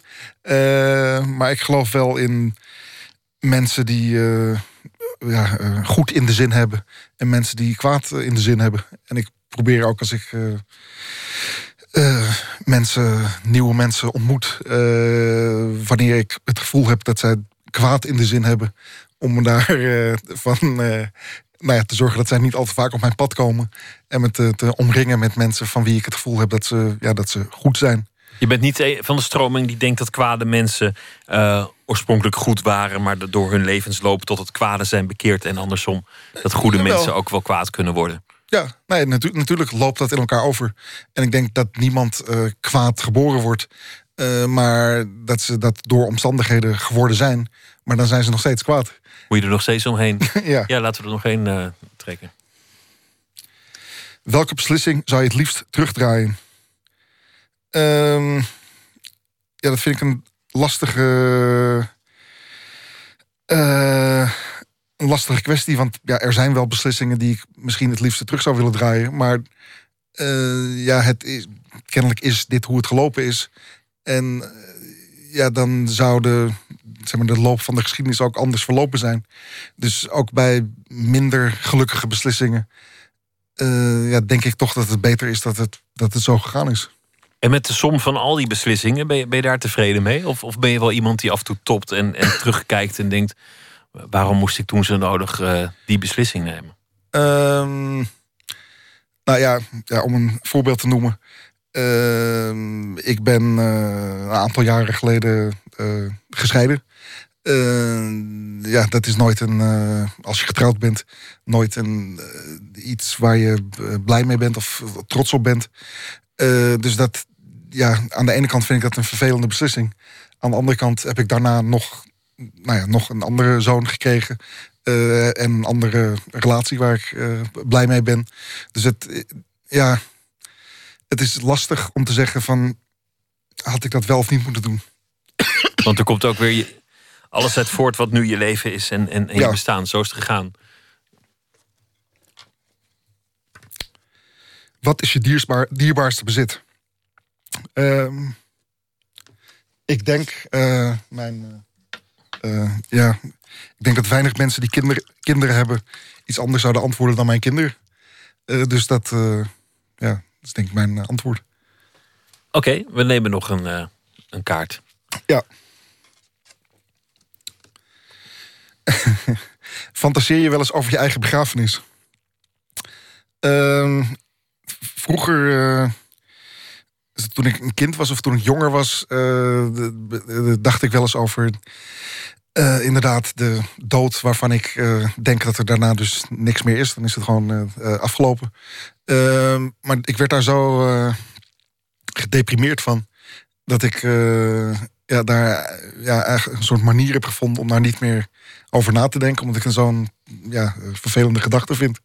Dus ik heb nog nooit ge- gefantaseerd hier. Over je eigen begrafenis. Nee. Ik ben ook wel benieuwd hoe, hoe, hoe dat zou zijn als dat. Dat klinkt bijna lullig als je zegt: ik ben benieuwd naar je begrafenis, maar zo bedoel ik het niet. Maar om, omdat, omdat je zo tussen culturen terecht bent gekomen, waar je Ja. dan voor zou kiezen voor je nabestaan. Ehm, ja, daar ben ik zelf dus niet meer bij. Eh, maar ja, ik neem aan gewoon een. eh, zoals hier eh, gebruikelijk is, een Nederlandse begrafenis. Gewoon klassiek met. Een plakje cake, koffie. Pakje cake. een stemmige man in een pak en een, ja, en een mensen paar die, bloemen. Mensen die toespraken houden die niet over de overledene gaan, maar eigenlijk gewoon over hunzelf. Eh nou ja, gewoon het gebruikelijke. eh, het format twee liedjes. ja. Robert Vuistje, dankjewel dat je langs wilde komen. Alleen maar nette mensen vieren Sinterklaas. Dankjewel. Alsjeblieft. De band eh, de Vancouver Sleep Clinic komt niet uit het Canadese Vancouver, zoals je zou eh, vermoeden, maar uit het Australische Brisbane. Ze willen graag sfeervolle muziek maken waarbij mensen lekker in slaap zouden kunnen vallen. Doe dat misschien nog niet, want er komt nog meer aan. Of doe het wel. Zie maar even. Het nummer heet Someone to Stay. You were alone, left out in the cold, clinging to the ruin of your broken home. Lost and hurting to carry a load. We all need someone to hold.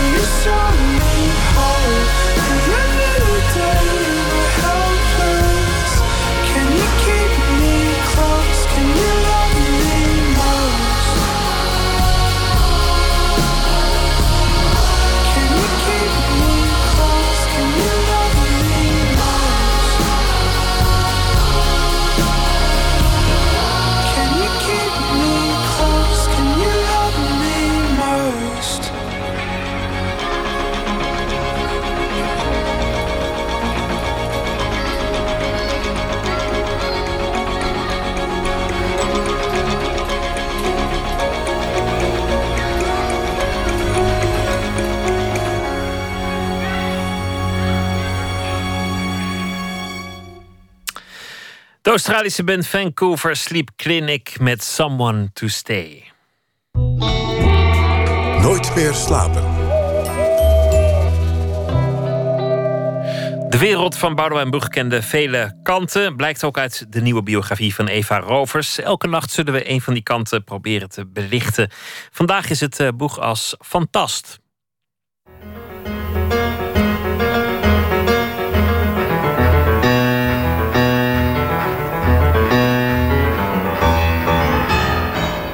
Beschrijft hier eh, eh, de dood van een kind van je. Ja, ja. Mick.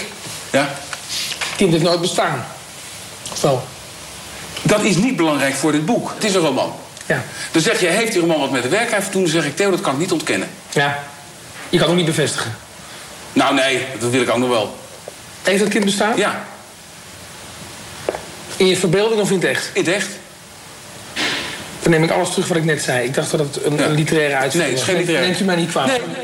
Oh, yes, I'm the great pretender.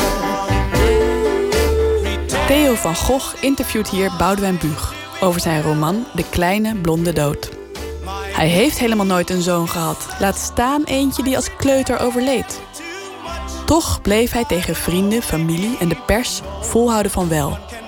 En het was maar één van de vele verhalen die Buug verzon. Na zijn dood in 2002 wordt hij dan ook uitgemaakt voor manisch-depressieve leugenaar... die aan pseudologica fantastica zou leiden.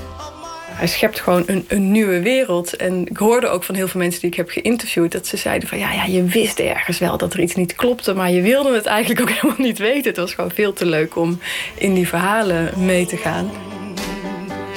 Biografe Eva Rovers kreeg als eerste toegang tot het omvangrijke archief van Boudewijn Buug.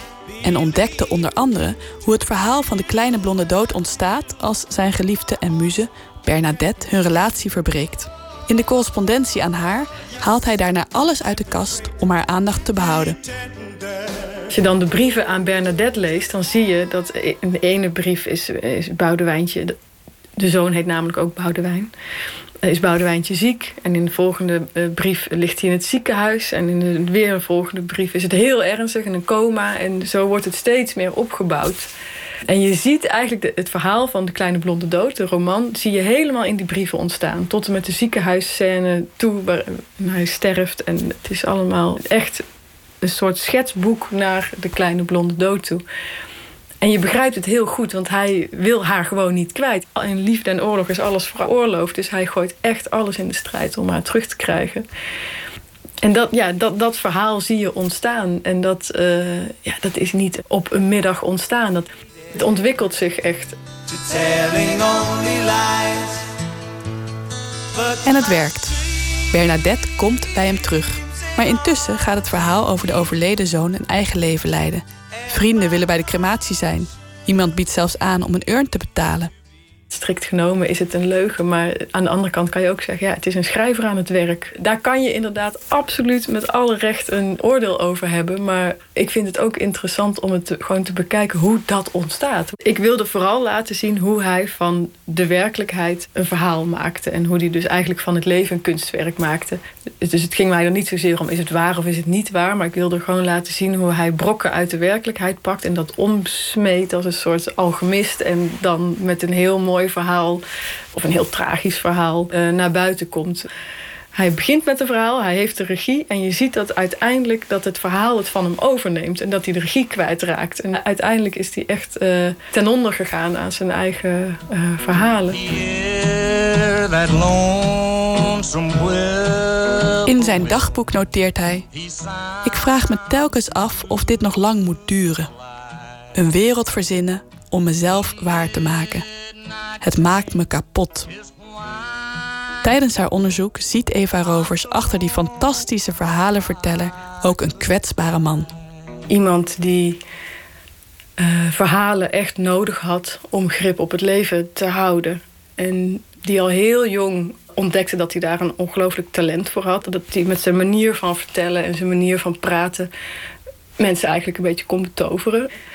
En aan de andere kant zie je dat diezelfde verhalen hem ook uiteindelijk isoleren. Want hij maakt van zichzelf een personage en hij laat zichzelf eigenlijk aan niemand zien. Ook niet aan zijn beste vrienden, ook niet aan zijn familie, ook niet aan zijn geliefden.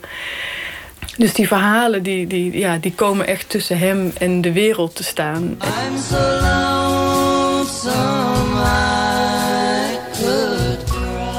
Had hij zijn verzonnen verhalen in deze tijd ook zo lang vol kunnen houden? Nee, ik denk absoluut niet. Want alles is natuurlijk zo makkelijk traceerbaar nu. Ik heb het idee dat, dat we tegenwoordig heel graag willen weten: is het waar of is het niet waar? Is het A of is het B? Is het wit of is het zwart? Mensen hebben heel grote behoefte aan eenduidigheid. En als het niet in één hokje te proppen is, ja, dan, dan vinden mensen dat niet prettig. Dan is het glibberig en dan heb je er geen grip op en dan begrijp je het niet. En terwijl ik heb het idee dat dat in de jaren 80 en een deel van de jaren 90... dat er op een meer literaire manier naar gekeken werd. Dus dat het inderdaad er meer, meer ruimte was om, om het niet eenduidig te laten zijn... en om de, ja, wat meer de grensgebieden op te zoeken. Ja, niet zo sterk behoefte aan een moreel oordeel erover.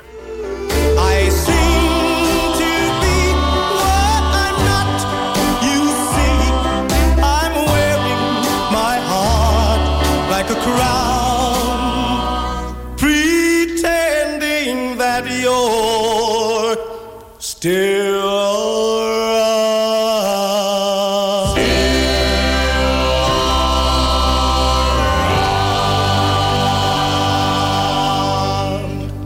De Platters met The Great Pretender. En dat is eh, allemaal lievelingsmuziek van Buug zelf. Terug te vinden op een Spotify-lijst met zijn favoriete Bout Sound. Lyriek muziek over eh, de muzieksmaak van Boudewijn Buug. En dat was allemaal naar aanleiding van de biografie van Eva Rovers over Boudewijn Buug. Ten V is een Londense band rond Ben Morehouse en Leo Duncan. Ze hebben vier jaar gewerkt aan hun eerste album. In februari zal het uitkomen. En dit nummer heet Hit the Light.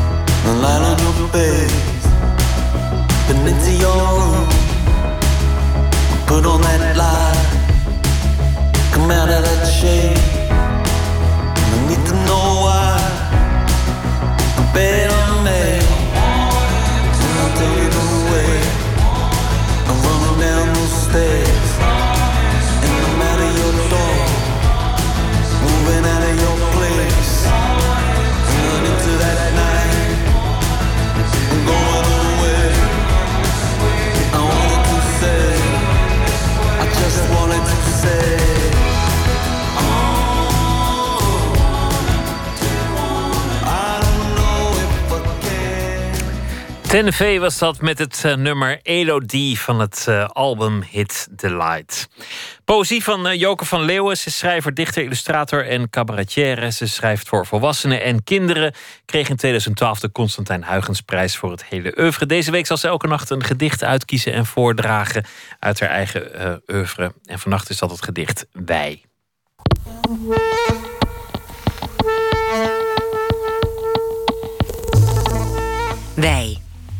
Kerncentrales aan de randen, alsof daarachter niets. Luchthavens, niemandslanden voor iedereen die thuis kan raken. Bekende, onbekende worden weggedragen. Buurhuizen met de dunne wanden geven vaag hun leven prijs. Daver aan de tafels. Tussen ons waai en wij staan wij te wennen aan wat wij ons als een ander kunnen vragen.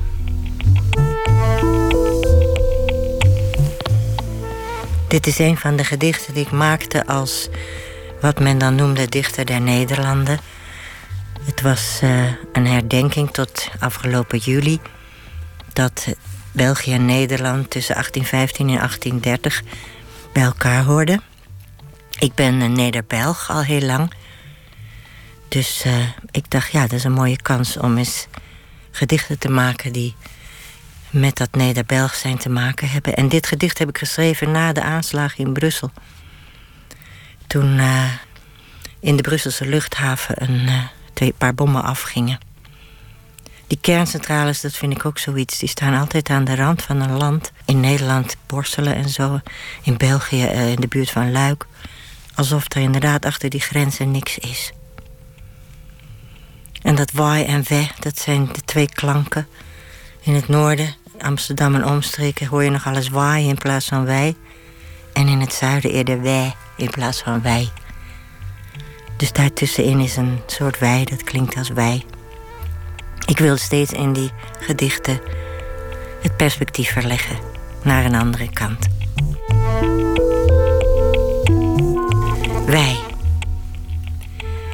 Kerncentrales aan de randen, alsof daarachter niets. Luchthavens, niemands landen voor iedereen die thuis kan raken. Bekende onbekende worden weggedragen. Buurhuizen met de dunne wanden geven vaag hun leven prijs, daver aan de tafels. Tussen ons waai en wij staan wij te wennen aan wat wij ons als een ander kunnen vragen. Het gedicht Wij van Joke van Leeuwen. Morgen zal ze weer een gedicht voordragen en uitkiezen. Morgen in Nooit meer slapen Jurgen Rijman te gast. Presentator en cabaretier vanwege zijn nieuwe voorstelling. Zo kan het ook. Voor nu een hele goede nacht. En graag weer tot morgen.